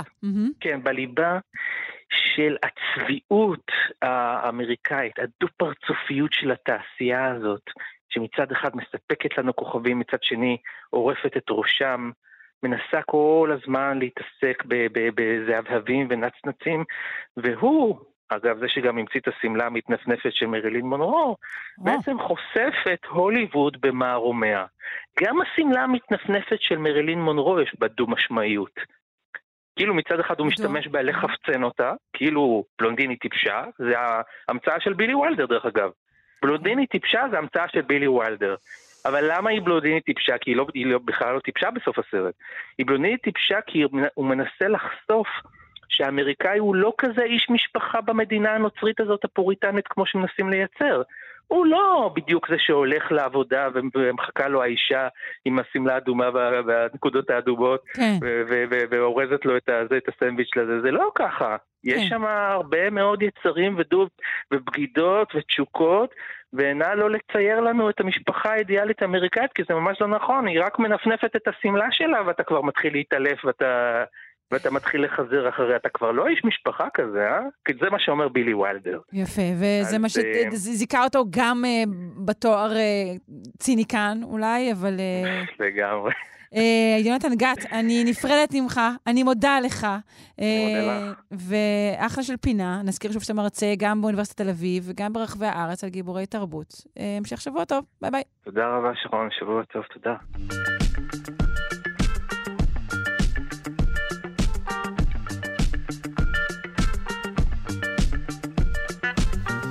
עד כאן מאיתנו, שלושה שיודעים ליום זה. עורכת אותנו אלכס לויקר על ההפקה, עמרי קפלן ואיתי אשת על הביצוע הטכני דימה קרנצוב. אני שרון קנטור, ממליצה לכם להישאר ולהאזין לנו כאן, בכאן תרבות. אה, גואל פינטו כבר מגיע, אני בטוחה, לאולפן. המשך יום נעים. ביי ביי.